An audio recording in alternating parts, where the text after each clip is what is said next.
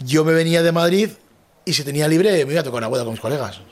Además sin cobrar, ¿eh? Con la que palanca más ganamos, ganamos bien.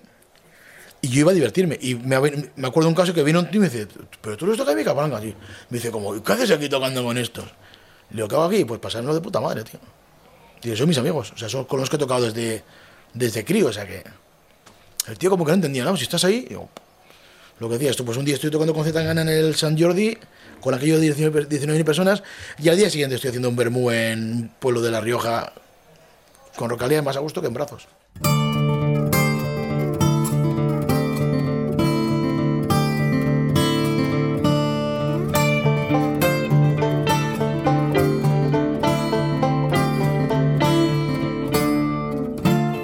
Hoy estamos dentro viene cargado de música.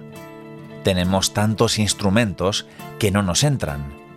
Pero un instrumento sin un músico es como una primera cita sin beso. Y al músico que nos recibe hoy no hay instrumento que se le resista.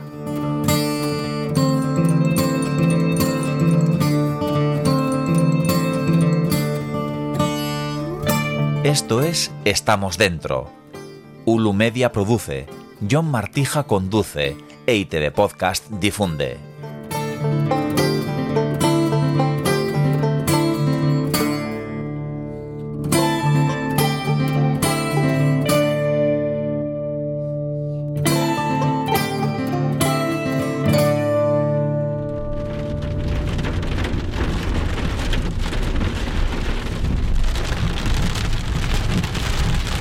tarde de tormenta primaveral. Me dirijo hacia Herrentería, donde reside nuestro anfitrión. Si no hay instrumento que se le resista, probablemente tampoco hay estilo que lo haga. Y lo podréis comprobar a lo largo del capítulo de hoy.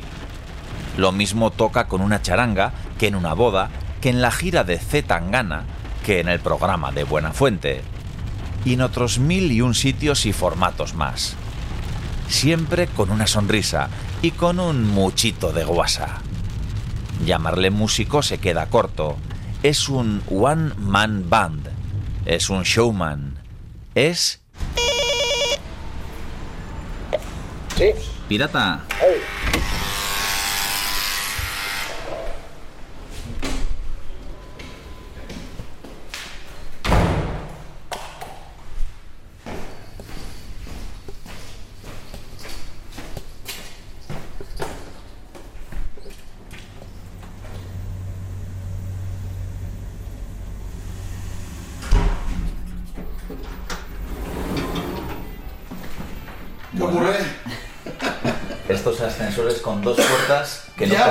Cuál se va a abrir.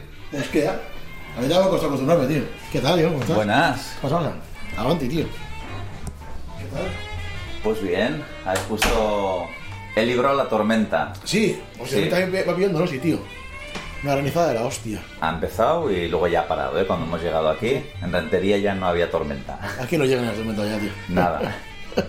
¿Qué tal o qué? Bien, pues nada, aquí con ganas de charlar contigo. Qué guay, pues pasa, pasa, pasa si quieres. Que tienes muchas aventuras para.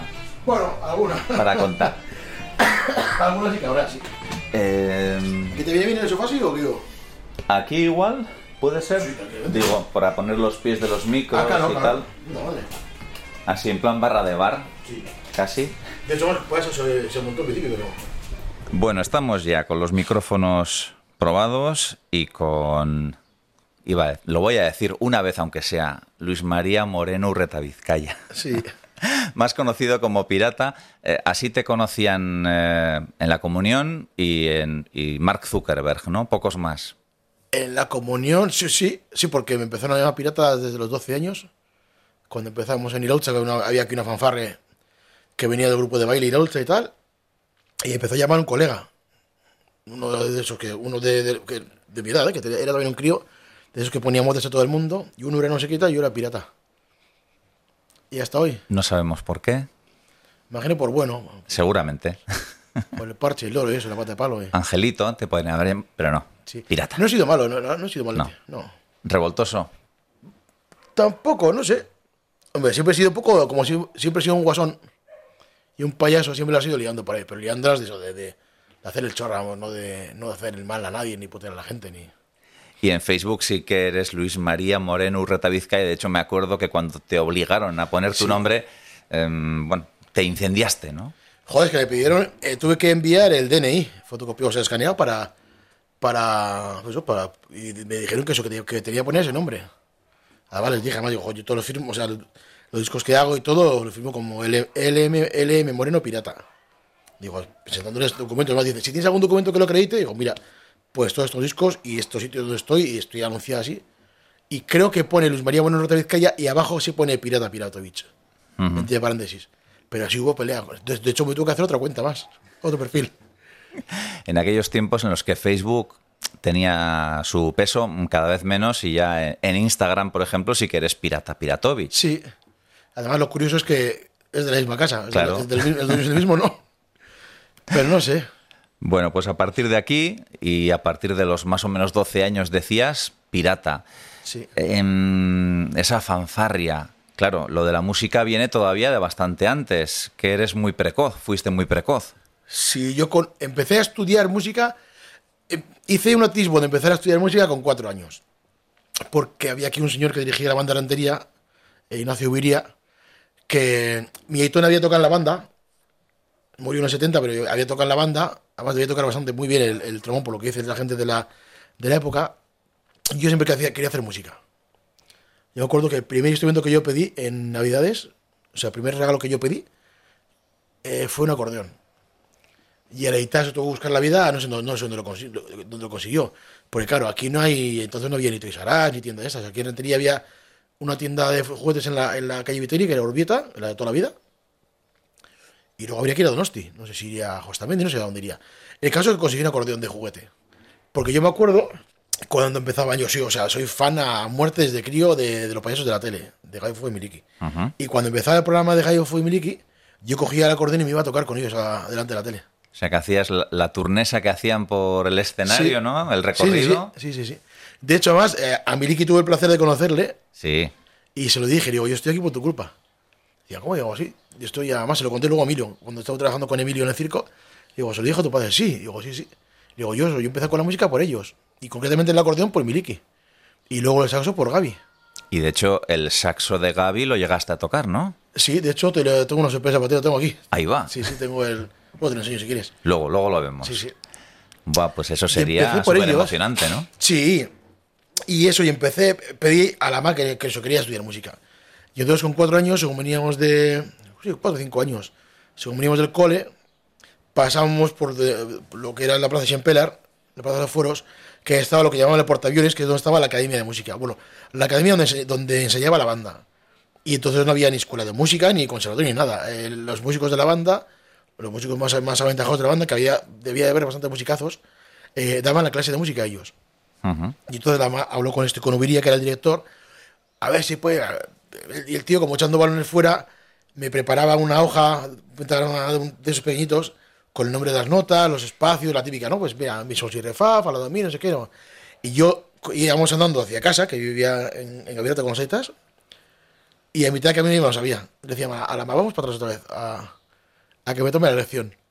Al día siguiente, cuando iba al cole, pasaba otra vez por ahí, me tomaba la lección, me ponía más cosas, hasta que al final este hombre le dijo a la mamá, dice, no, no les puedo dar clases, o sea, hasta los siete años no nos dejan coger chavales para en la escuela de música, aunque no hubiese, aunque no hubiese escuela de música como tal, Ujú. pero consideraban que esa era la edad de empezar. Y empecé con seis, eh, con el acordeón, eh, con un profesor particular que había aquí en el barrio de Olivet, y empecé con él, pero eso por, por pura cabezonería, vamos. Pues mira que yo, yo soy de Tolosa y en Tolosa hay una escuela de acordeones, Sí. la de Isidro Larrañaga. Y, y siempre veía a los críos con el maletón Con el del carrito. acordeón y, y me daban una pena. Decía, en vez de estar pegándole patadas al balón. Joder, encima yo me acuerdo, claro, yo era un crío, yo no podía, yo no podía con el, con el, la maleta y con el, o sea, llevaban un carro de compra. Ujú. Un carro de compra con unas gomas, pues pa- pa- porque al final un acordeón pesa un montón.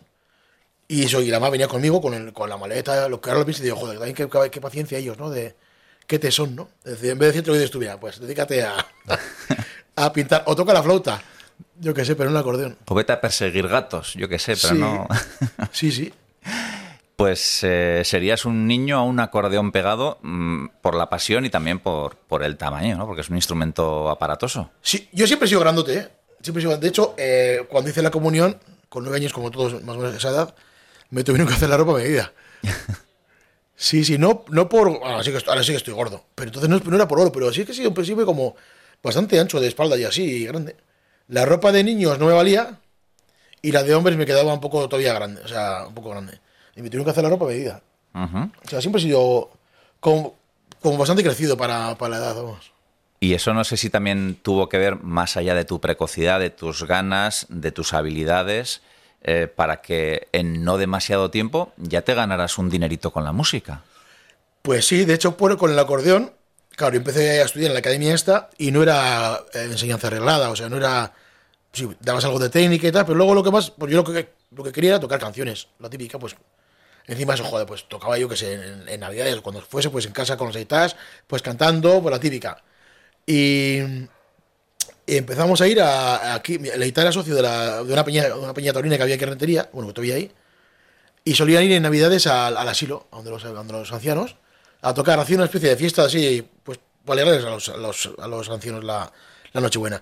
Y empecé ahí con el acordeón, pues tocar eso, pues tocar, yo qué sé, pues un par de pasodobles, una jota, pues no, no sé, lo que tocase, alguna canción para que cantase ellos, alguna mexicana, lo que fuese.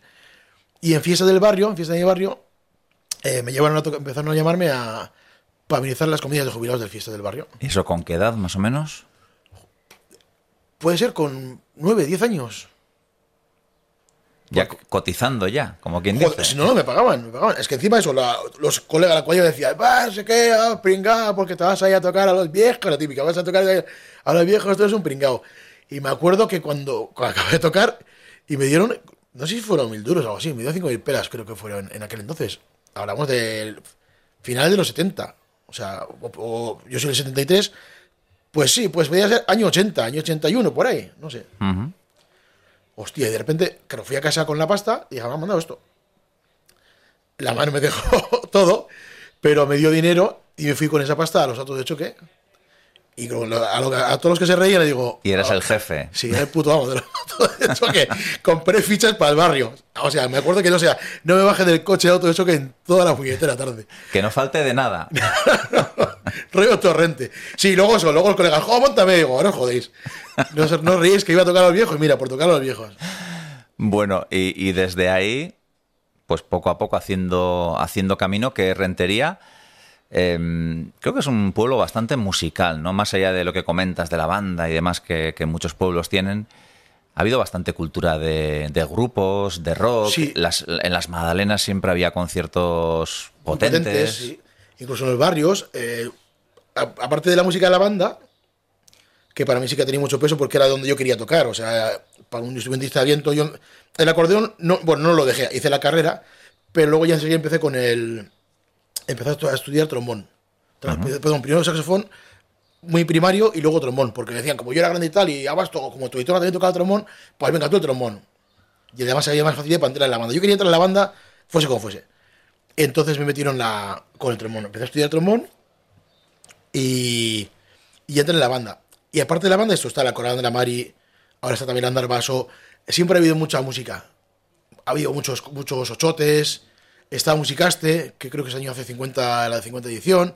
O sea, siempre ha habido mucha, mucha música. Y además, cuando te metes en el jaleo de la música, digamos, es como estaría dentro de la- del el corral, ¿no? Con el resto de animales. Y luego ya cuando empecé a, a tocar con grupos de rock, claro, aquí arriba estaba Ente, que era una asociación, bueno, todavía existe, de músicos de, de Rentería, que creo que en el año 90 llegó a haber eh, 31 grupos. Guau. Y entre ellos Paralelos, eh, Blues Torpes, Cashbath, o sea, ha salido gente gente potente de Sí, del que este. Cashbath sacó unos cuantos discos, Paralelos ganó el Villa de Bilbao. Eso y- es, y Toloniano 940 en Donosti y en, y en- y en Madrid. Y, o sea, hubo, o sea, siempre ha habido bastante, bastante música. Y los blues torpes que has citado, bueno, ahí ya algo que ver tenías. Sí. Sí, pues empecé, seguí en charangas antes de esto. Estuve, estuve es que, es que yo es que empecé prontísimo. Mi primera actuación de, de charanga la hice, la hice con 13 años, el día que cumplía 13 años. El 4 de julio del 86. 4 de junio del 86. Estu- eso con 13 años. En- con 15 empezó con una charanga que se llamaba Cruisca, de Hernani. Y con 17 entré los, entré los incansables. Que era un, era un crío. Los incansables que en el mundo de las charangas es como los Lo Rolling más, Stones. Lo más, lo más. Y más además con los, o sea, con los originales, digamos, con la gente, pues con el chitemesino, con el canario, con, pues, con, con la, con la gente de entonces, de, de, de la, de la charanga.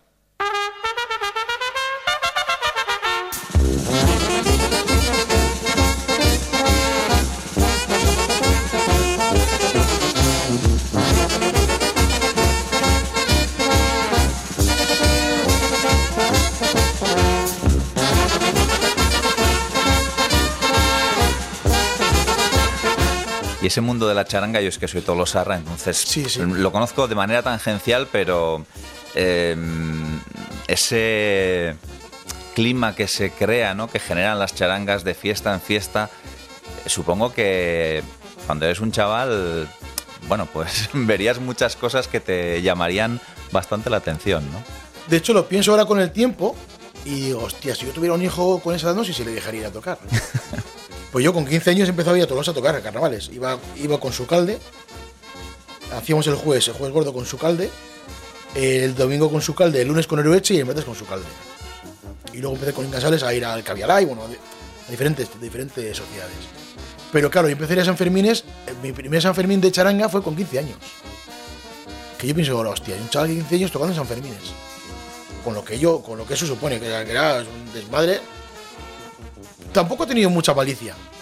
O sea, no, no sé, me divertía mucho. Como voy a hacer un montón de gamberradas y, y a mí siempre me gusta hacer las gamberradas y esas cosas, me divertía muchísimo. Y supongo que también esos mayores como que te arroparían un poquito, ¿no? Sí, de hecho, cuando empecé en charangas, uno, el que me metió en la primera charanga era un chaval de mi barrio, que es San- Santiviejo, que era de la cuadrilla de mi hermano. Mi hermano es 6 años mayor que yo. O sea, que este día, pues si yo tenía 13, pues tendría ya pues 19, 20, no sé, por ahí. Entonces, la Maya tal le dijeron que eso, que se hiciera responsable él. Además, él se hizo responsable. No es que le dijera, él dijo, no, no, me hago cargo yo de él y, y respondo. Porque claro, yo todavía estudiaba. Iba, estaba acabando aquí en, en, en Taller en Corazonistas y luego fui a Mundaiz, a Donosti. O sea que tenía que sacar los estudios porque yo quería hacer bachiller, no por hacer una carrera, sino porque me pedían el bachiller para, para la carrera de, de- de música.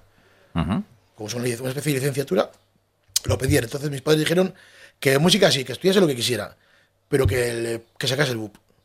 Entonces compaginaba eh, los estudios con, el, con las charangas. Y, eh, por ejemplo, la me encanta mucho la literatura y cosas estas. Pero las matemáticas y la física y la química se me cruzaron en BUP, o sea, no sabía nada. No me enteraba de nada. Pero y penqué, primero, segundo y tercero, los tres años penqué. Tanto matemáticas como física y química.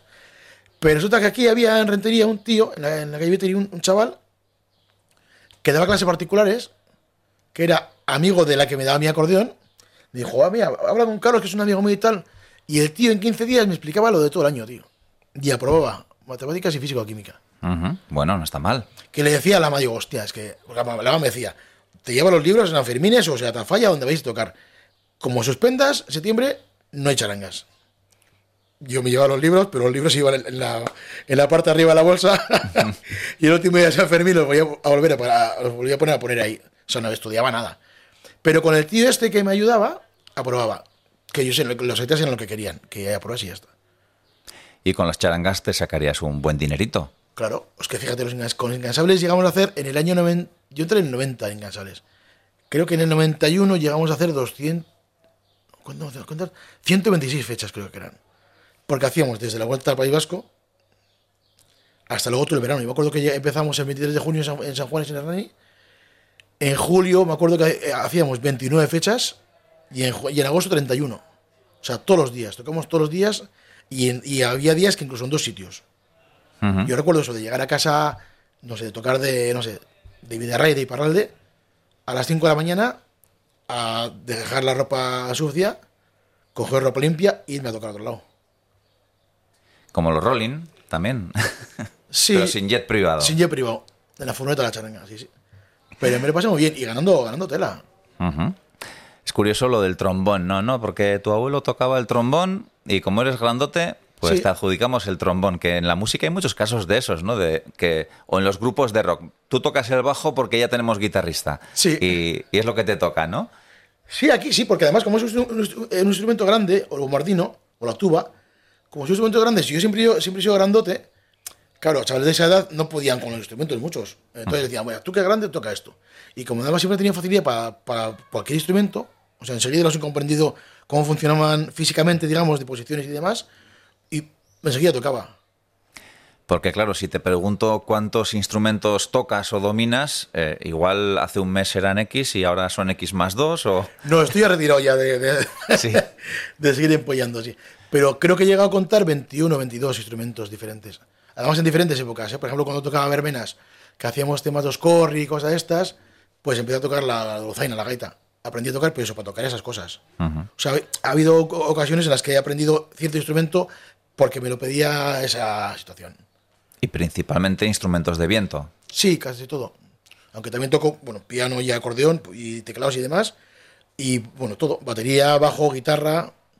Lo que menos, eh, lo que no toco es eh, cuerda clásica. Empecé a estudiar cello, pero hace, te hablo hace 15 años.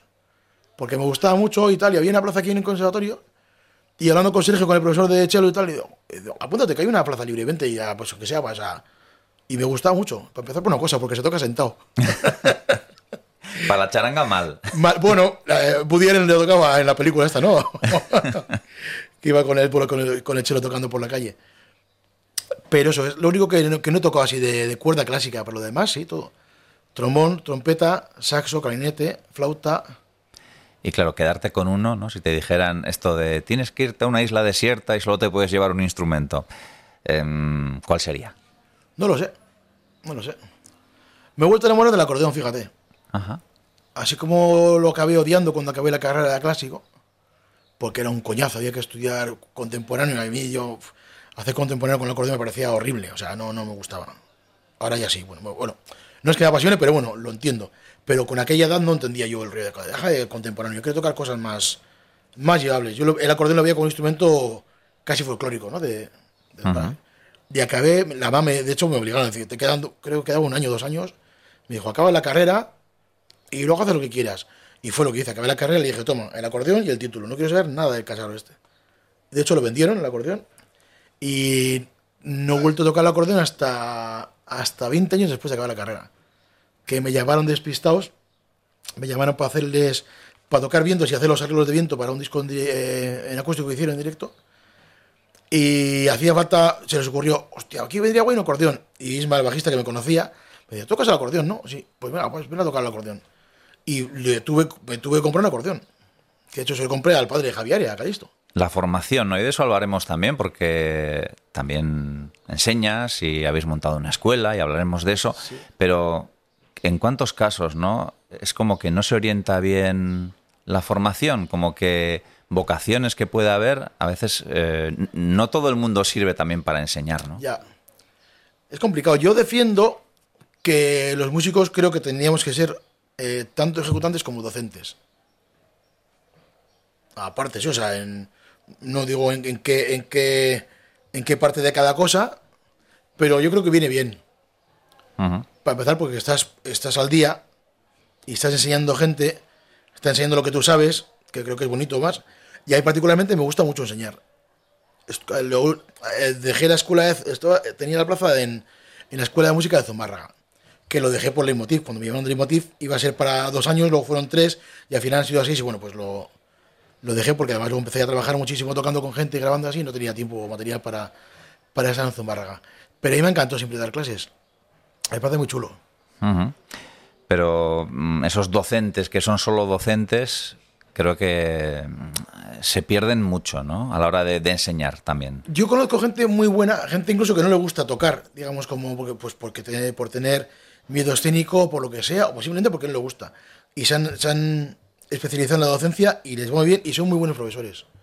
También conozco gente que ha sacado la, la carrera, ha pillado una plaza y no ha vuelto a tocar el instrumento en su puñetera vida.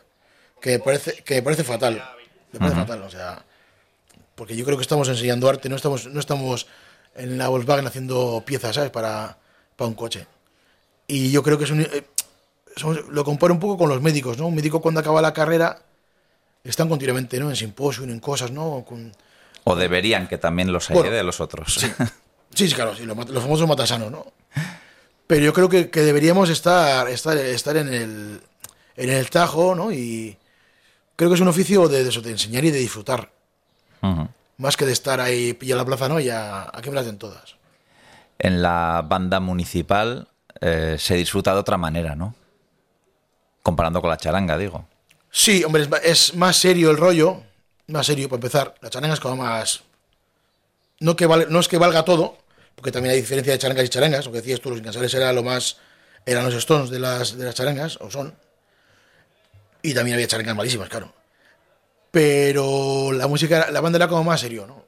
Tanto por repertorio como por actitud, ¿no? Vas con el traje, todo el rollo, ¿no? Sale el director, la gente se levanta, aplaude y tal, como muy.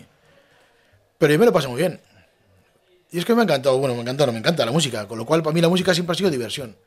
Además, a- a- a- habiendo hecho lo que haya hecho. O sea, cuando he tocado en grupos de rock, cuando he tocado en grupos punkies, cuando he tocado salsa, cuando he tocado un clásico, me lo he pasado siempre bien. Bueno, en la vida en general. Soy, para eso soy bastante, no sé si optimista, pero sí que siempre intento ver lo positivo de las cosas y, y quedarme con lo bueno. Ujú. Sí, porque has tocado muchos géneros, muchos estilos, más allá de todos esos instrumentos que comentas. Yo alguna crítica te he oído por ahí o te he leído por ahí al reggaetón, que no Sí. sé si con el tiempo has, Eh, has tenido que cambiar de opinión. No, sigo pensando lo mismo. Es que sigo pensando. El, escuché una, una entrevista que le hacían a, a Leonard Bernstein, al, al gran compositor y director americano, que le decían: ¿Cuántos tipos de música hay? Y el tío decía: Hay dos, buena y mala. Tampoco seré yo que diga, que ponga las etiquetas de qué es bueno y qué es malo, porque me parece que la música es, como es algo tan personal, para empezar, es algo que es intangible, o sea, no se puede tocar. Eh, es sensación pura. A mí, si hay gente que le pone la música al telediario, pues chapó, tío.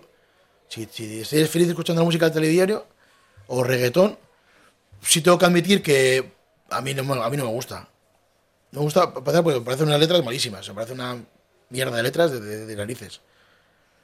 Y musicalmente es más sencillo que, que el funcionamiento de un folio. O sea, no hay más. Sí que hay gente que se ocurre unas... eh, Luego conocido, a, ra- a raíz de estar eh, con Zetangana y cosas estas, sí que he conocido algunas cosas de gente que lo hace muy bien en cuanto a producción, en cuanto a trabajar el rollo y tal. Pero los géneros, el, género como de lo que habla, sobre todo para mí las canciones son muchas veces es la letra, lo que te cuentan. No, es como, una, no es como una, una- un tema musical que te fijas más en lo musical. Como musicalmente el reggaetón no me aporta nada y las letras tampoco me aportan nada, paso. O sea, no le hago ni, no le hago ni caso. Las letras eh, has cantado también Sí. y liderado grupos y con una componente humorística bastante importante, ¿no? En muchos casos. Casi siempre. De hecho, un amigo me decía, "Jo, ¿por qué no, porque no sé que me oído cantar alguna cosa seria? Me decía, joder, tío, ¿por qué no haces canciones? Pues es que siempre que haces algún grupo, hacéis chorradas.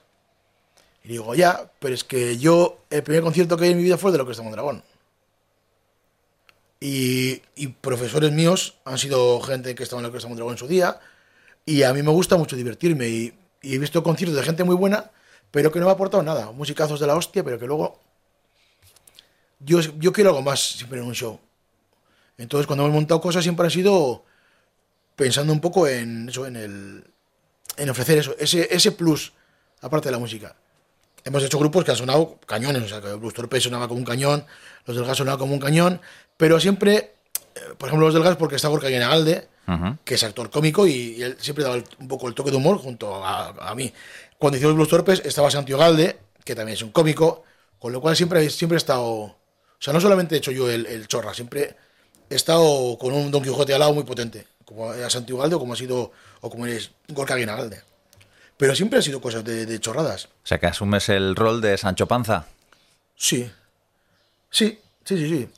Sí, además como siempre me gusta mucho el humor, me gusta mucho Tipicol y Familia Cansado, Los Hermanos Malos y cosas estas. Y lo que te decía, ¿no? De Gaifo y Miriki, ¿no? Ese juego del, de- del, del payaso, del clown, ¿no? De cara blanca y el Augusto, ¿no? Ese, rollo me encanta. Con lo cual siempre me ha pedido tener a alguien al lado que, que me hiciera de partener, o yo a él, vamos.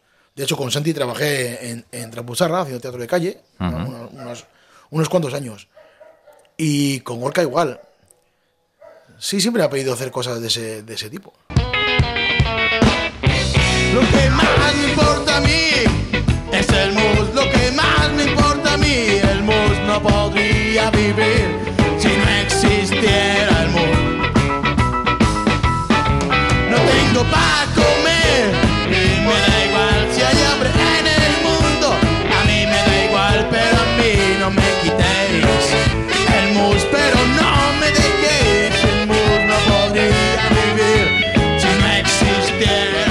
Otro proyecto también humorístico en el que este, pues, digamos que venías de fuera, ¿no? El de Académica Palanca, que ahí también tuviste tu, tu época, ¿no? Sí, eh, coincidimos currando en ETV, haciendo un programa que se llama Comunicando, Comunicando, y nos lleva a la misma oficina de management, gente de Bilbao Vértigo. Y en un momento dado me conocieron ahí, de hecho empecé a currar con ellos eh, de técnico de sonido, iba como técnico en los- a, los, a los bolos. Y un día me plantearon, oye, tal tú, si te dijéramos para entrar aquí, ¿qué harías? Tenía, yo- tenía yo 26 años, 25 años. Yo, joder, voy de cabeza a Madrid. Y empecé con ellos por eso. O sea, que fue de rebote así, sin comer ni verlo. Y yo ni por el. O sea, es que las cosas que he hecho, la mayoría de las cosas que he hecho, o sea, es que ahora miro para y no. O sea, era- eran cosas que eran inalcanzables. Yo me acuerdo de ver a Académica Palanca el 1, 2, 3 y verlos en Notarías que Espión y algún programa así que hacían de. Yo, yo me partía el culo con, con esta gente. Y cuando dicen para, tocar- para currar con ellos, dices, ostras. Te vi cual la más bella flor. Te vi. Perdone, perdone, aquí, aquí. Perdone. Eh, tengo Hombre, una duda. ¿Pero qué eso qué, hombre? Cuando, perdone, eh, cuando dice te vi, ¿a quién se refiere? ¿A quién vio? Pero, ¿pero ¿esto qué cachondeo es, hombre? ¿Esto qué es un complot o algo de eso? No Que tengo. me han interrumpido ya dos veces, hombre, que he empezado ya la canción dos veces. Ya, pero es que tengo Que una he duda. empezado la canción dos veces, hombre, que aquí hay público que me querrá oír la canción, hombre. ¿Quién? ¿Pero por qué la han tomado conmigo? ¿Por qué la han tomado conmigo? Para empezar, tengo bastante el síndrome del impostor, del que hablan mucho la gente, ¿no? Es decir, ¿yo qué cojones hago aquí? ¿No? Hablando en plata, digo, ¿yo qué coño? ¿Qué coño hago yo aquí? Cuando te ves dentro de la jugada, ¿sabes? Pero, como suele decir luego, cuando el río es una agua lleva, ¿no? Por algo será. Sí, sí, y al final, pues esa trayectoria, claro, en ese momento eras un chavalillo todavía, Sí. 25 años, pero bueno, mm, has pasado por un montón de proyectos, hablaremos de, intentaremos, de- no sé si todos, porque no sé si nos dará tiempo, pero en muchas historias, y me ha gustado algo que has comentado, que empezaste a trabajar con ellos de técnico de sonido, Sí. que ser profesional de la música es complicado y a veces hay que hacer muchas cosas, ¿no? Sí, yo de hecho siempre he sido muy inquieto con esas cosas. Aquí eh, yo estudié sonido en Rentería en, los en el año 90, 91, 92 por ahí, cuando dejé los incansables. eh, aquí había una, había una escuela de, de sonido y luz con el difunto Ñeca Aguirre, uno que fue eh, bueno, técnico de Aquelarre, luego estuvo trabajando con Loquillo, con lo que es un dragón, con golpes bajos, con Nacha Pop, con Tan Tango, o sea, un tío que curraba mucho, mucho y controlaba mucho, mucho. Y era, era de aquí de Rentería y pues el ayuntamiento planteó hacer una escuela de sonido y yo me metí a estudiar ahí sonido. Y, en cuan- y como estaba ya metido en ese rollo, estuve currando una temporada de técnico con, con algunas empresas y haciendo alguna girilla y cosas así, y, y grupos de verbenas. Y de hecho me ha valido mucho para... Aquí, por ejemplo, tengo montado un home studio. Yo en la pandemia me grabo, me, me grabo mis cosas y me- ahora, por ejemplo, me grabo mis cosas online y las envías por WeTransfer lo que sea y funciona así. Y sí que es verdad que me ha valido, me ha valido porque la música es muy complicado vivir. Entonces, cuanto más cosas eh, controles, mejor. Y en este caso de instrumentos va sobrado, Claro. pero claro, también si controlas la faceta técnica es otra, otra ventaja más. Sí, yo creo que todo. Dicen que el saber no ocupa lugar, ¿no? Y a fin de cuentas, como está relacionado con la música. De hecho, luego he hecho producciones y cosas de discos y, y cosas de estas, que al final yo creo que está todo relacionado. No viene mal, desde luego no viene mal a, a estudiar. A lo que los músicos supieran algo de, de sonido, que, que básicamente no deja de ser física, aunque sea saber las, los conceptos físicos de la, del sonido y luego ponerlos en práctica pues, con una mesita o lo que sea, haciendo una mezcla o grabando todo en casa o lo que, o lo que sea. ¿Cómo compaginas los proyectos propios con bueno, esos trabajos que te surgen, colaboraciones y demás?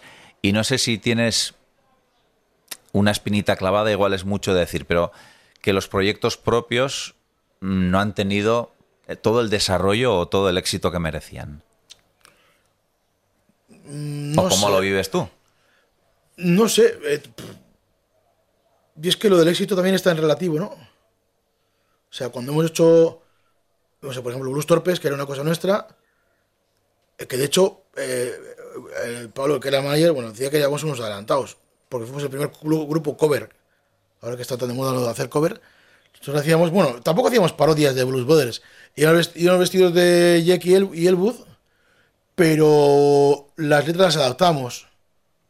O sea, ni tan siquiera eran traducciones, era una letra chorra que se nos ocurría y los números que hacíamos de, de gags de yo eran cosas inventadas.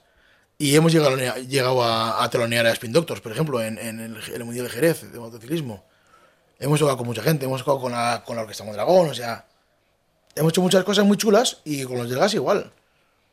¿El éxito que se merecía? No sé, tampoco hemos peleado nunca por...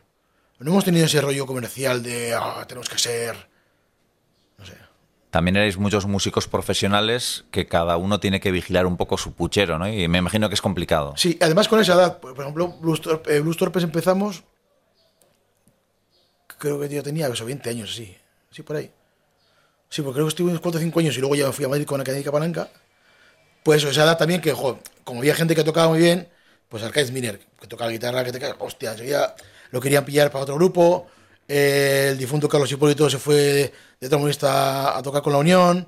O sea, era esa edad en la que empezamos todos un poco a despuntar en la música, bueno, no, bueno, no todos, pero, pero empezaba a despuntar gente del grupo y, y se lo llevaban a otros grupos, que me parece normal porque a mí también me ha pasado.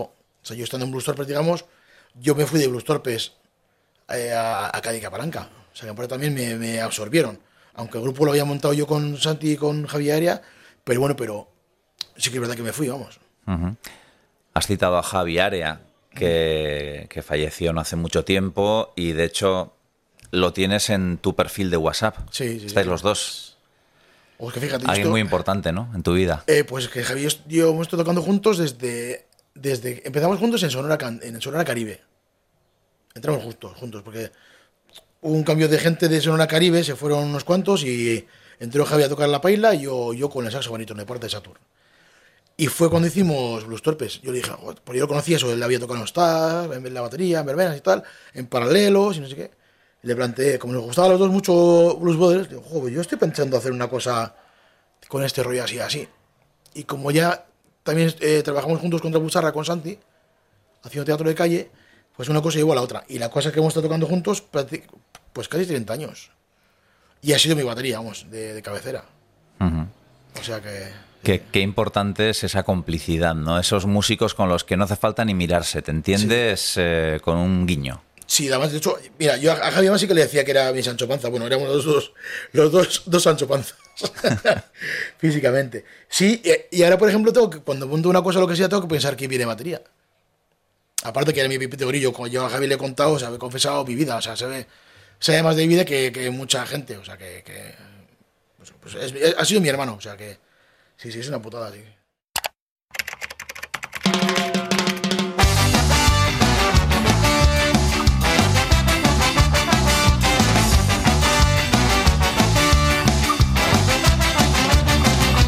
Hace algún tiempo que se está imponiendo hacerse un perfil en eso del Facebook.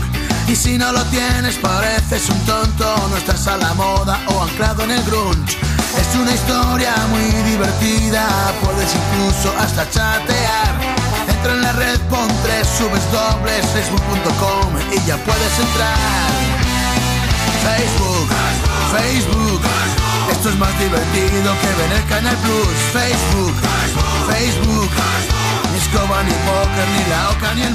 Bueno, eh, esos proyectos personales, no sé si ahora tienes algo más o menos estable o con todos los proyectos en los que colaboras es complicado.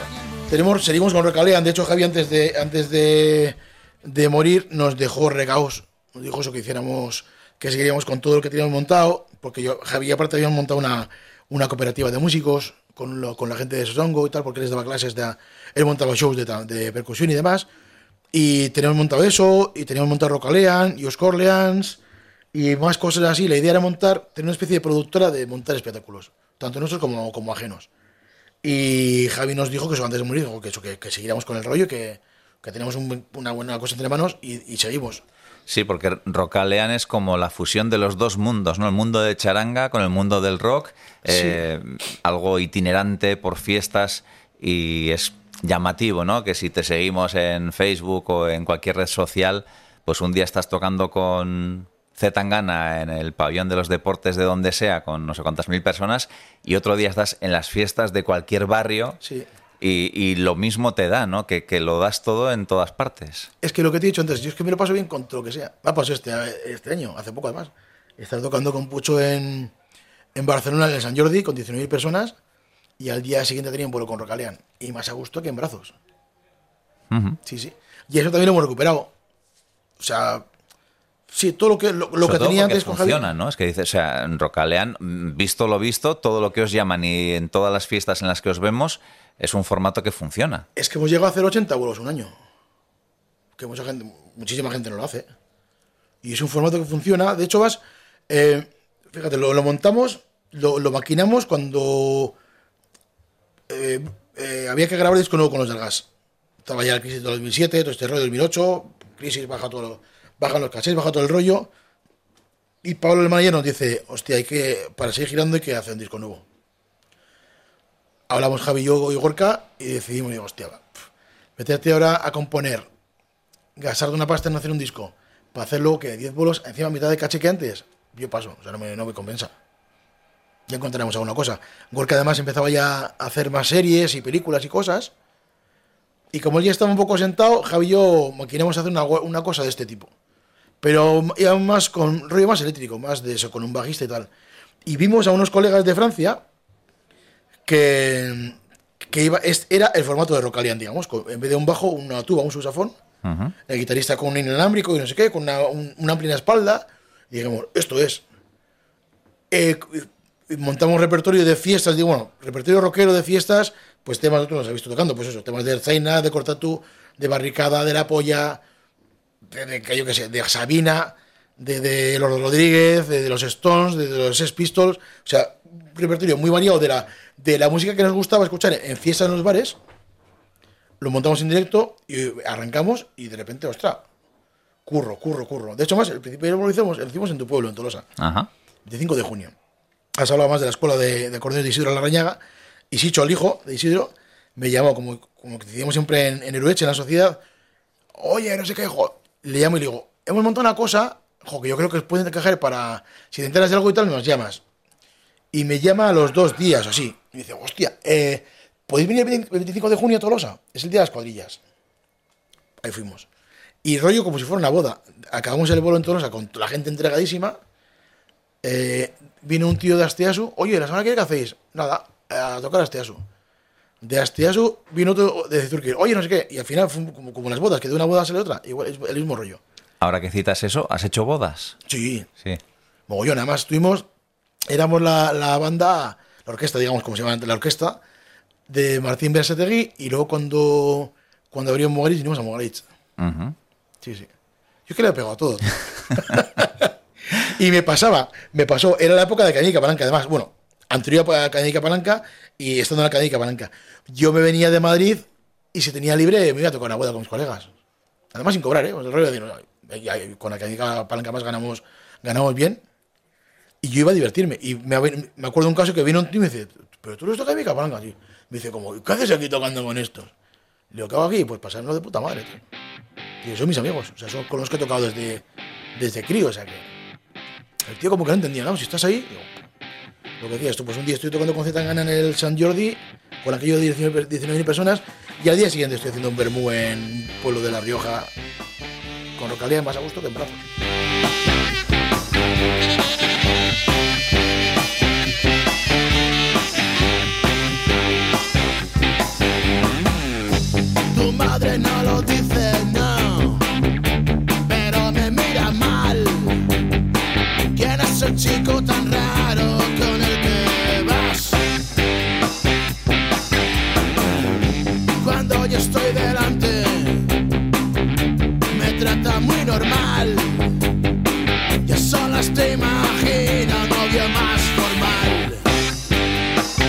Volvemos a Z Tangana cuando. A ver si hay una evolución entre cuando te lo proponen y cuando ves lo que es, eh, y luego, ¿no? Cuando ya en la gira estás en el escenario y ves la locura que se monta. Sí, para empezar, eh, me he quitado un poco la manía. Bueno, que creo que tenemos todos de prejuzgar las cosas. Todo el mundo, ah, tan gana, tan gana, pues con reggaetón, reggaetón, reggaetón. Escucho el trabajo del chaval este, ya lo he escuchado antes de, saber que iba a tocar con él, ¿eh? Y ya me impacta, digo, hostia, aquí hay, aquí jaleo. Y cuando me llaman para hacer la historia, me llama Roberto, el, el analista de, de vientos, Roberto Lorenzo, un trombonista, me dice, oye, tú tocas el- la tuba, ¿no? Y O sea, el licón y tal. Sí, ¿tienes, ¿tienes el licón? Y digo, sí, sí, que tengo. Pues dice, no, es para hacer una gira. Digo, ¿para hacer una gira con un licón? ¿Qué gira? Y me dice, Z Tangana. Digo, hostia. Me cuenta la jugada, eh, vamos 30 músicos, 8 cuerdas, 8 vientos, un rollo muy chulo, no sé qué, paso doble copla, o sea, sobre, el disco del madrileño, todo el rollo. Joder, digo, yo, si puedo, encantado. Estaba currando con Raúl Cimas, entonces estábamos haciendo un vuelo en Mallorca, que de lo circo que hacíamos con Raúl. Cuelgo al teléfono y le digo, no te vas a creer. Y digo, me, acaban de ofrecer la gira de Tangana, tío. Y Raúl, que es alguien de, cógelo, ¿no, tío? Pues, ¿Y esto qué dice? Esto ya haremos, tío. O sea, es un tío tan, es un tío tan generoso pues, en ese rollo, Raúl Cimas, que me dijo, vete, tío, vete, Aldo. Si esto va, esto es de largo recorrido lo nuestro, o sea que ya, ya lo haremos cuando se pueda, cuando acabe la gira ya, ya haremos lo de circo, lo de teatro, lo que sea. Y algo como lo de Z Tangana seguramente es una vez en la vida, porque ahora mismo es el espectáculo y como yo no lo he visto, de confesarlo. Tengo ganas de verlo, pero sí que hay mucha gente con muchos prejuicios que se ha quitado el sombrero. Sí. Yo primero, ¿eh? Y aparte que el tío es un, el tío es un encanto, o sea, es un cocazo, es un... No es músico, pero es, es, es muy melómano, o sea, controla mucho de música y es un tío muy inteligente, es un tío que sabe, sabe rodear de la, de la gente que más controla de cada, de cada palo de lo que le hace falta. Y es un tío muy generoso, además, y es muy listo. Un día lo hablaba con... Vino Jorge Dresler, que grabado el, el- también el disco y tal. Vino al ensayo general y luego hablando, hablando con Jorge, le digo, ¿qué te parece la que ha liado aquí el, el amigo? Me dice, joder, ahora que estamos todos pillando vuelos para hacer caja otra vez para... Y este lía este jaleo aquí, tío. Es una pasada. De hecho, más lo he dicho alguna vez, digo, chaval, para mí, chapó. Porque podías haberte ido con dos, tres ordenadores con todo esto grabado y llevarte toda la pasta y decidir llevar a 30 tíos aquí encima con todo lo que ha pasado la pandemia, o sea, dar de comer a 30 personas de, de música, hostia, tío, me quito el sombrero ante, ante tu actitud. Y luego también, eh, desde esa perspectiva negativa post-pandémica, pero también lo que supone que ha sido ese reencuentro con la música en directo, con los grandes conciertos, y está siendo como una catarsis esa gira, ¿no? Es una pasada, es que es un show, es una pasada. De hecho, eh, Íñigo Argomeniz, que, que ha montado el parte de la gira, me decía, es que es una burrada. Mira si Íñigo habrá visto shows. Es una pasada, tío, es una pasada. Y lo es. Gente que ha ido a verlo, amigos, algún amigo mío que ha aparecido lo que sea, con prejuicios, que digo, vete a ver el bolo y luego me cuentas. O sea, es que hace tan gana. No pienses que es tan gana. Abre las orejas y los ojos. Vete a verlo. y Me cuentas. Y todo el mundo dice, esto es una pasada. Es una pasada. Crecí pensando que solo el billete me daría mi respeto. Que un hombre que no tiene para gastar no es un hombre, solo un muñeco. Siempre te van a sobrar amigos y ni se diga mujeres cuando abunden los diamantes. Hoy que brilla más mi cuello que Las Vegas, me piden que cambie. Soy desconfiado y no permito que cualquier cabrón se ande acercando. Amigo por las buenas y en las malas le entramos a los chinazos. Hablando de llamadas inesperadas o sorprendentes o de estas que te ilusionan, que ya vemos que te ilusionas con cualquier cosa en la que sea tocar algo. Pero bueno, que también, ¿no? El tema de, de leitmotiv, ¿no? De repente embarcarte en ese proyecto que encima decías, no, bueno, va a ser un año, dos, acabaron siendo seis años a diario, de lunes a jueves, en televisión, con la proyección que ello supone, y también dando rienda suelta a tu vertiente gamberra. Payasil. O, o payasil. Sí, joder, de hecho, estaba en el sofá, de- me lo pensé, estaba en el sofá de casa, en el sofá de mi casa, y mi, mujer, que la que entonces, entonces era mi novia, eh, se ha ido con una amiga de vacaciones a Lanzarote. Me llaman, me ofrecen la historia, me cuentan, va a hacer una fuente un programa, está buscando banda, nos hablan lo de ti, tal, que, que toca varios instrumentos y tal, y bueno, pues nos gustaría que, que fueras parte de la banda. Cuelgo al teléfono, le llamo a Irene y digo, hostia, me acaban de llamar para hacer, para irme con, a la banda de Buenafuente. Y dice, hostia, qué guay, ¿no? Y digo, no sé. ¿Cómo que no sabes? Digo, es que no sé si ir. Me dice, tú eres tonto, tío. Digo, "Pero me- píllate una excedencia en la escuela o lo que sea y vete a. y luego, o sea, no, me arrepiento lo más mínimo. Al revés. El otro día, ayer, antes de ayer, estuve comiendo con Andreu y le decía eso. Digo, hostias, que ha sido. Yo no sabía si venir y no es que me haya cambiado la vida, pero sí me ha abierto muchas. Muchísimas puertas. He tocado. Empezar, tengo un videobook de la gente con la que hemos tocado en el programa. O sea que poca gente creo que pocos músicos creo que habrá en este país con que haya tocado con tanta gente de tanto nivel ¿no? de desarrollo y luego eso lo que encima yo nunca nunca voy por los sitios dando el cante ni nada yo yo soy bastante tímido de hecho aunque luego parezca un payaso pero soy bastante tímido en principio y como tengo mucha amistad con los Aragón bueno con los hijos de Gaby con Emilio y tal me venían eh, la gente de la, de la productora que hacía el programa habían currado con Cari Aragón. Cari Aragón es la hija de una hija de Gaby, que es una mega capo de la producción en España de televisión. Ha currado en Globo Media con su primo, o sea, es una capo, Cari Aragón. Me decían, "Eh, tú, tú eres Aragón, ¿no? Y digo, no, no, yo soy, no, no. Que sí, que sí, es que me, es que me he encontrado con un hijo de Gaby y me ha dicho que eres su hermano. Y digo, no, no, no, que no, yo tengo mucha amistad con ellos. Ellos sí dicen que soy su hermano y, y, y y es para mí también. Y de hecho, la viuda de Gaby, que la mujer de Gaby, me dice que yo soy, de- es una mujer puertorriqueña y me dice, tú tienes tu madre en Rentería, pero tu madre en Madrid soy yo. O sea que tienen, me llevo muy bien con ellos, tenemos mucho, mucho cariño mutuo. Y eso, aunque tú eres Aragón, eres Aragón. Y Andrés, igual, ¿tú qué eres? Digo que no, que no soy, nada, no soy Aragón. Entonces ya dio por hecho de que yo era payaso, o digamos, o tenía mucha relación con ellos por algo, y empezaron a, a soltarme cosas de yo, ¿ya harías esto? Sí. Y además, como casi todo lo que hago, lo hago, aunque esté echando un café, si veo una chorrada, la hago, pues empecé a hacer cosas. Y al final eso, pues eso fue generando a, a hacer personajes, a hacer las cosas que he hecho en Leitmotiv, aparte de tocar, vamos. Así empezó, como quien dice, el follonero, ¿no? Jordi Évole. Y luego, mira, o sea que... Sí, me no me comparo yo a Jordi, pero, pero sí, y, y lo, que, lo que te decía antes, que es que las cosas han ido surgiendo, tampoco he provocado nada. O sea, yo nunca llamo a una oficina ni a, a nadie, hostia, mira, si te hace falta lo que sea, yo, yo tengo, yo te puedo hacer. Ha sido que una, una cosa ha ido llamando a otra, o por contacto de un amigo que tocó conmigo una vez, hostia, te llaman o lo que sea, o... Y hasta ahora he ido a tocar madera, hasta ahora he ido de, de maravilla, o sea que... Claro, has tocado con gente importantísima en Leitmotiv, pero también tienes eh, otro lado de la moneda que de repente eh, sabes que mañana vas a tocar con X y tenéis el tiempo que tenéis para prepararlo y, se está grabando en televisión, evidentemente tiene que ser impecable y me imagino que hay una presión y unos nervios interesantes. Sí, sobre todo al principio. Cuando arrancamos costó, costó. Hasta que dimos con la fórmula de, de estar engrasados. Para empezar, una cosa muy sencilla que no se, fíjate, no se nos había ocurrido. Nosotros nos ensayamos, digamos que en círculo, mirándonos, viéndonos las caras. Pero claro, luego llegamos a hacer el programa y en el programa estábamos todos de frente a Andreu. O sea, yo, yo sí que estaba, entonces empecé en, en la parte de arriba con el teclado. Pero, por ejemplo, Novoa estaba, o sea, a mí me daba la espalda. Entonces, el final de las canciones no sabíamos cuándo acabar. Y había, hostia, hubo días de caos, hubo días más que Novoa decía, chicos, yo lo dejo, yo lo dejo, yo, esto no puede conmigo, no sé qué, yo lo dejo. Y al final dimos con la clave que era que él tuviera un micro que fuese de órdenes interno. Cogíamos con Ineas, con auriculares, y esa chorrada fue la que nos dio la, de repente la, nos encendió la luz.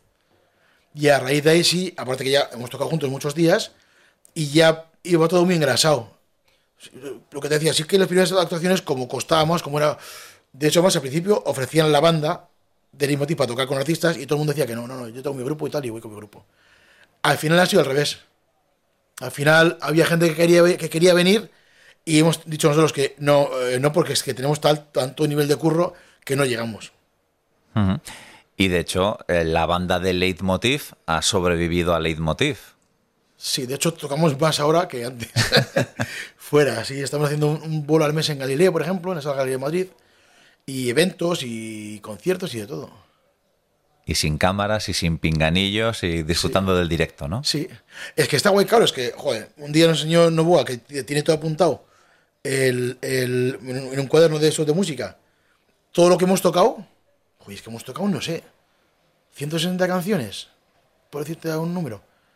Jingles de esos de para ir a publicidad, ni sé. Una lista, pero, y- o sea, inmensa. Con lo cual tenemos un repertorio vastísimo. Y alguna en euskera, que también tuvo su momento así de trending topic, ¿no? Sí.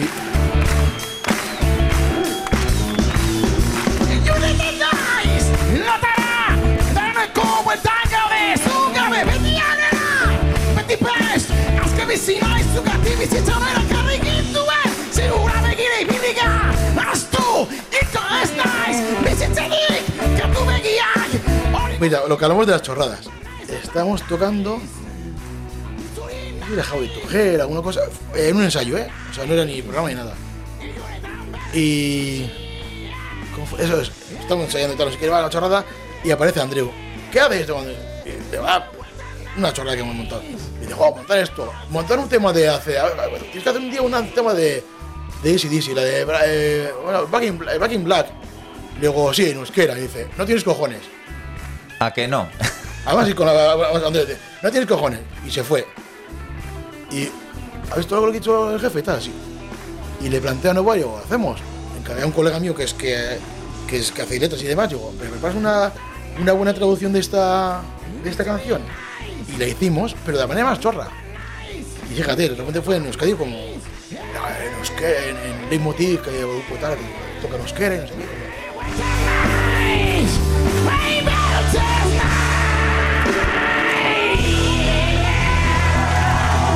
Al final es un trabajo, entre comillas, de oficina, ¿no? Quiero decir, de lunes a jueves entras, fichas, tocas, te vas, eh, seis años.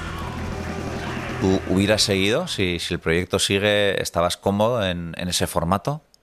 Yo estaba un poco cansado, no te, no te lo voy a negar. Porque al final son muchos días juntos. Hemos hecho 945 programas.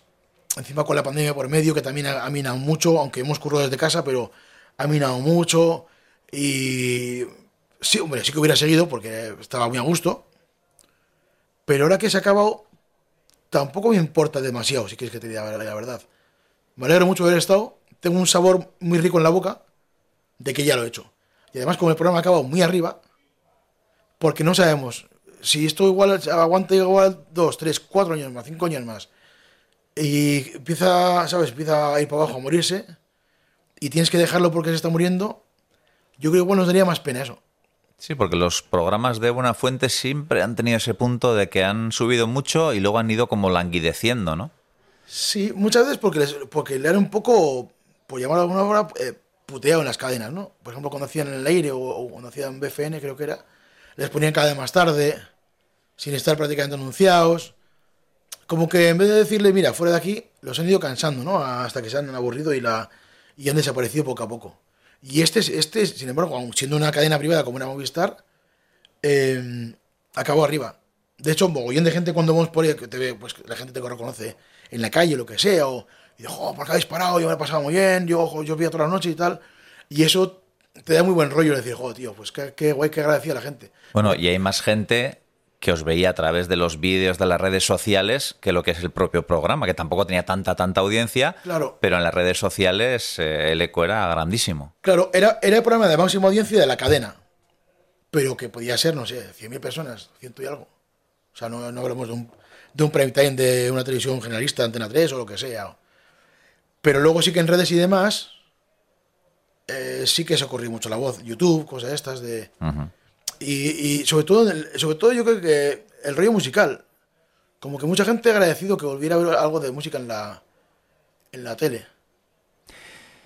Em, tenemos proyectos para hablar, pero eh, creo que es más fácil que nos enumeres tú en cuántas salsas la de Raúl Cimas la podemos comentar, porque esa eh, está aparcada o, o duerme ya el, el sueño de los justos. No, no, no, está marcada. De hecho, ahora eh, el viernes me voy a, a su casa para escribir cosas y el domingo actuamos en Murcia. Ajá. El domingo, en el Teatro Romea. No, en un pues, formato de circo. Sí, le llamo al circo, sí, porque vamos tres músicos y él. Y el rollo de instrumental es, para que te hagas una idea, el, el bombo de la batería es la maleta de, de- la maleta de mi acordeón.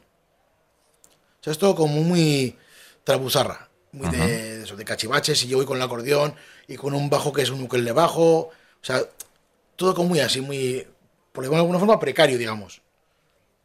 Y, pero no, eso sigue, sigue para adelante. Y también citábamos la docencia, esa escuela AMC Música Escola que habéis montado en Donosti, que es como muy reciente, ¿no?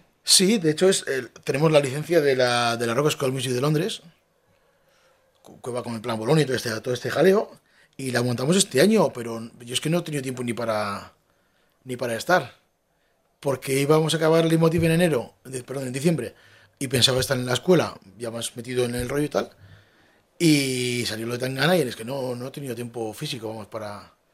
estoy ahí de director eh, pedagógico, digamos, soy un poco que lleva ese, ese aspecto, pero sí, y funciona guay la escuela, ¿eh? mola. Porque además un- es un sistema diferente de, enseñanza, va más a, a la medida del alumno, no hay, un, no hay una... No es una escuela de música, digamos, al uso, no es, no es, el- no es la escuela de música de Atocha o, o el conservatorio de la calle Aso o el de Rentería. Y mola, mola. Bueno, eh, más momentos. Lo de la familia Aragón lo retomamos luego con el saxo, ¿eh? Eso me lo tienes que contar mejor. Sí. Pero también eh, ese momento con Johnny Depp en el, en el Cinemaldi, ¿no? que tú vas a vacilar, pues él te vacila un poquito más, ¿no? Sí, eh, sí, la verdad que fue cosa suya, ¿eh? Bueno, de hecho, la- estos dos últimos Cinemaldis, las galas las, ha- las ha dirigido John Maya, el Lanzari, y me encargó a mí lo musical, ¿no? Pues encarga tú de la música y tal. Y eh, le dijeron a, a Johnny Depp, le dijeron, cuando salgas, porque no sea salir y coger el premio y te vas, aparte de la charla, eh, hay tocando músicos.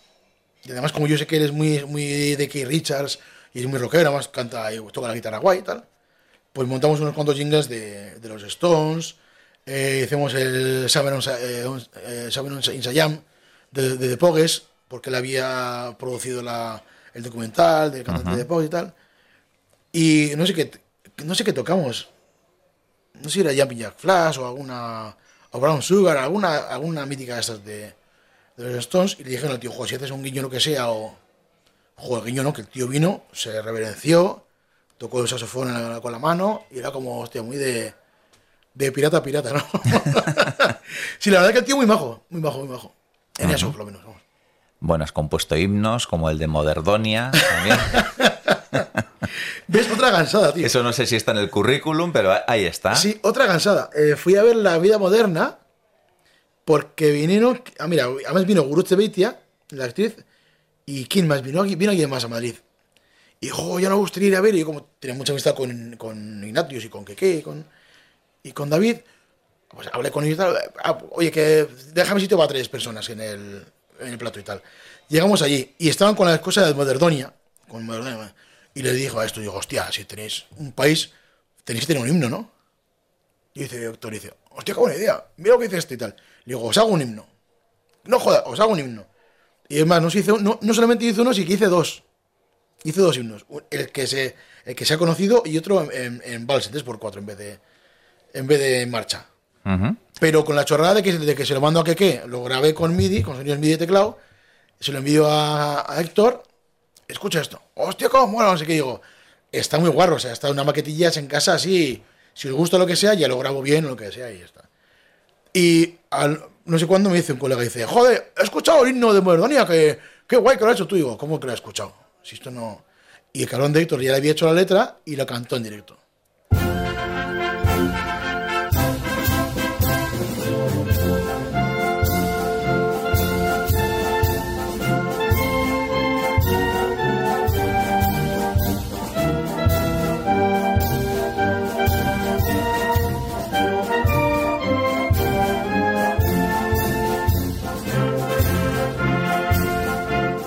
Empezó el ra- la, la bola ya a crecer, a crecer, a crecer.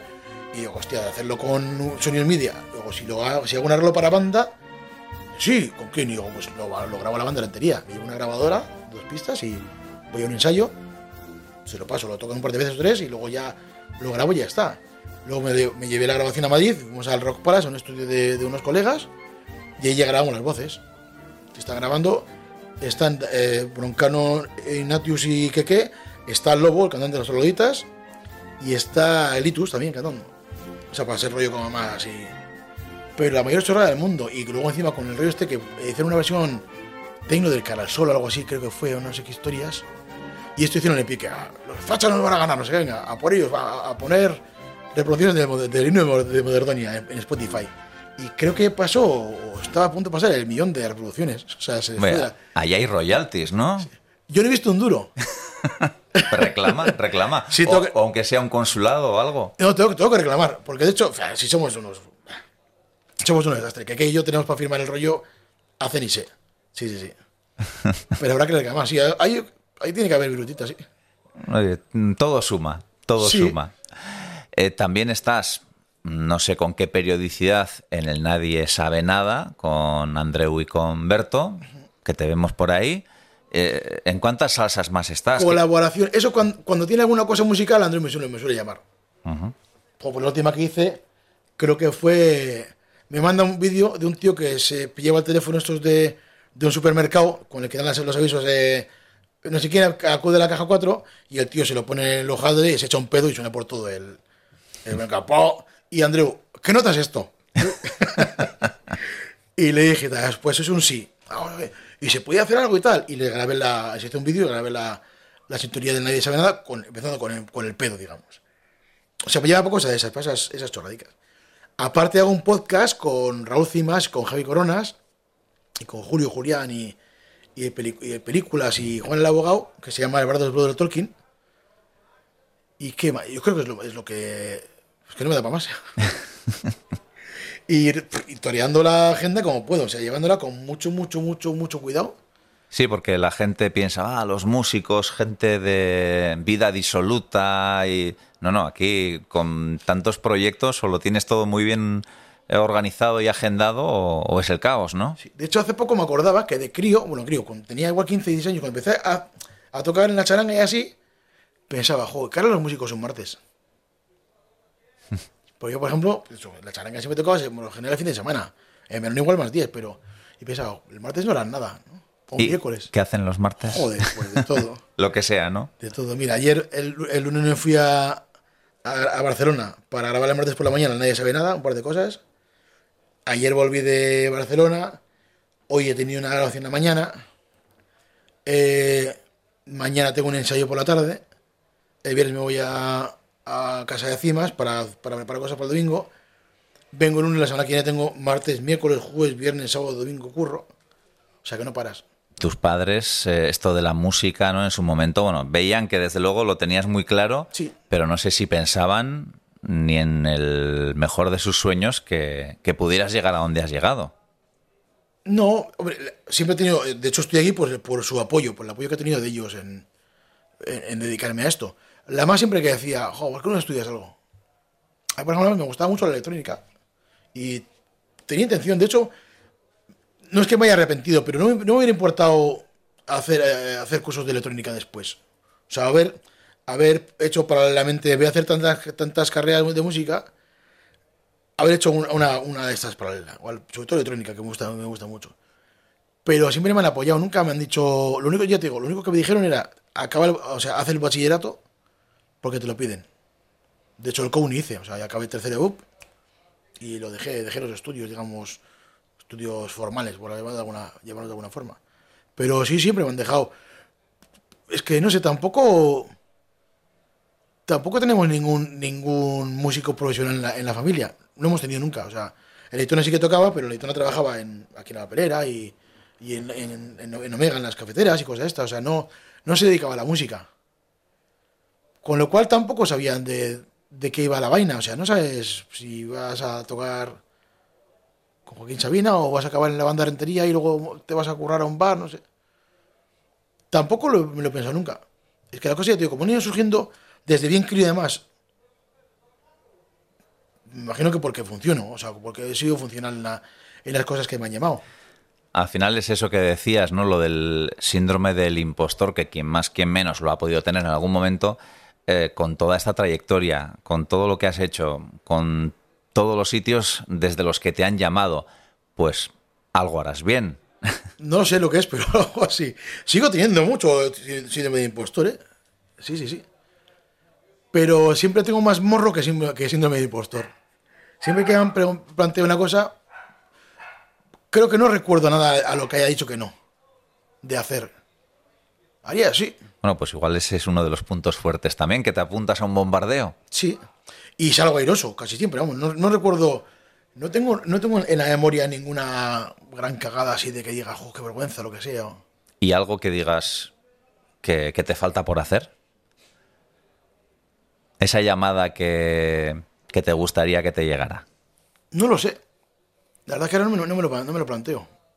No tienes tiempo para pensar en llamadas. No. Con las que tienes ya. Sí.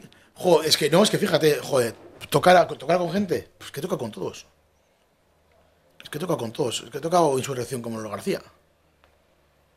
He tocado con Miguel Ríos. He tocado con Luz Casal, con Coquemaya, con Ariel Roth, con De Pedro, con Rafael.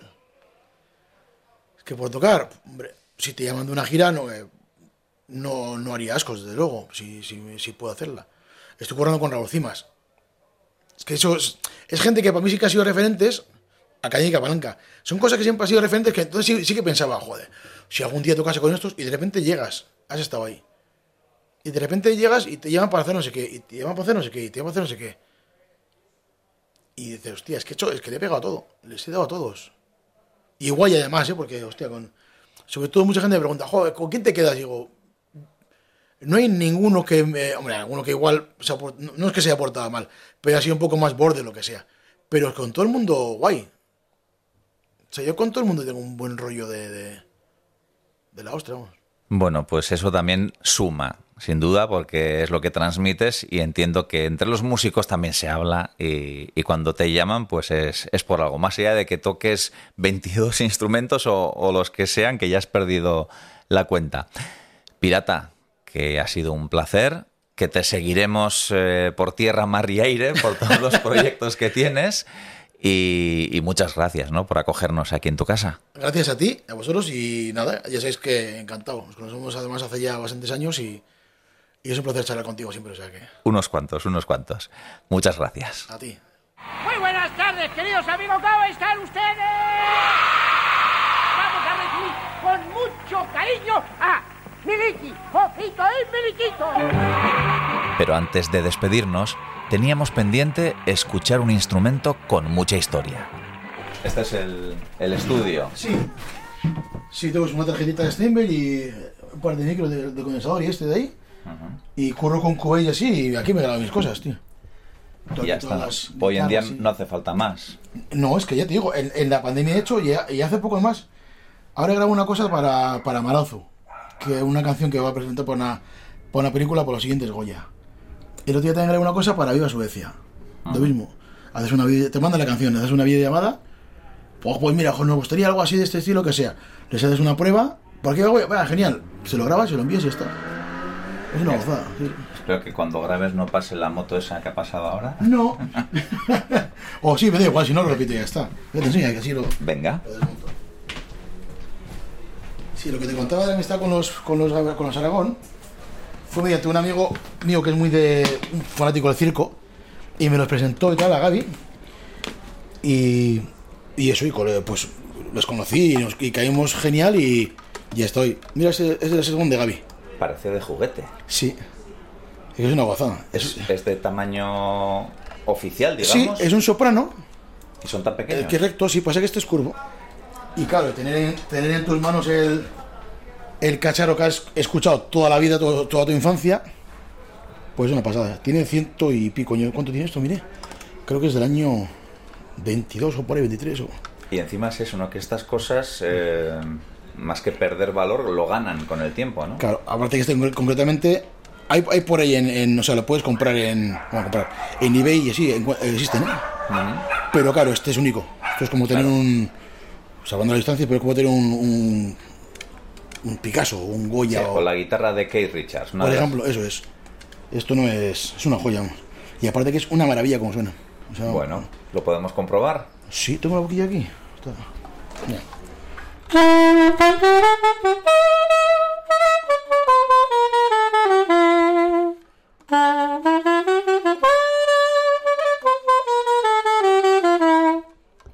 Se la sabe todavía, ¿eh? Pues suena, suena. Sí, sí, suena Pequeño pero matón. Además, lo han restaurado hace muy poquito tiempo. Se le llevé a un amigo luthier y lo he dejado como nuevo. Claro que para él también, ¿no? Para un luthier que le lleves un instrumento tan especial, Claro. supongo que es como una fiesta también. Bueno, por- responsabilidad por la por ser una por pieza lo que única, es. pero Sí, pero para empezar, porque mecánicamente es muy diferente. a- Bueno, claro, ha mejorado pues como si fuera un coche. No se, ofre- eh, se hacían coches igual hace 100 años que ahora, evidentemente. Y es, es tiene incluso lleva diferentes, eh, puestas en diferentes sitios. Para empezar, flipan con eso. Y luego, aparte, lo que dices tú, claro, que es un instrumento de. de pues una joya. una Con mucha de- historia. Sí, sí, sí, sí. Una pasada.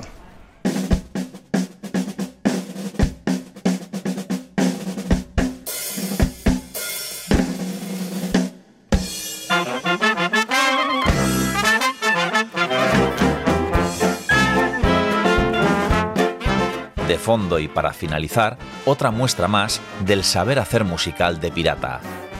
Él toca todos los instrumentos de esta grabación.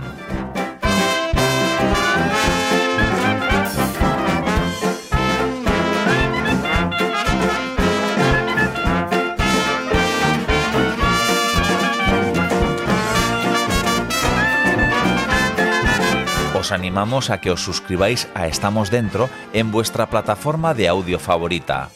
Si os ha gustado este capítulo, buscadnos en las redes sociales para contárnoslo.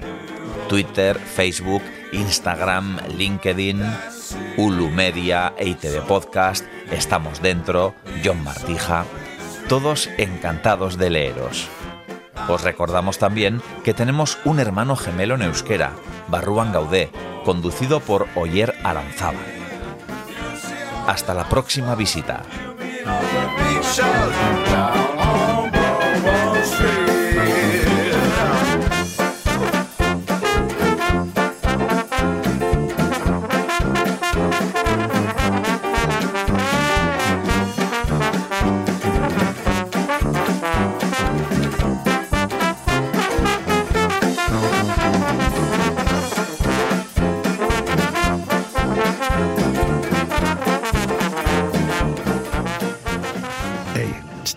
Entzun hori.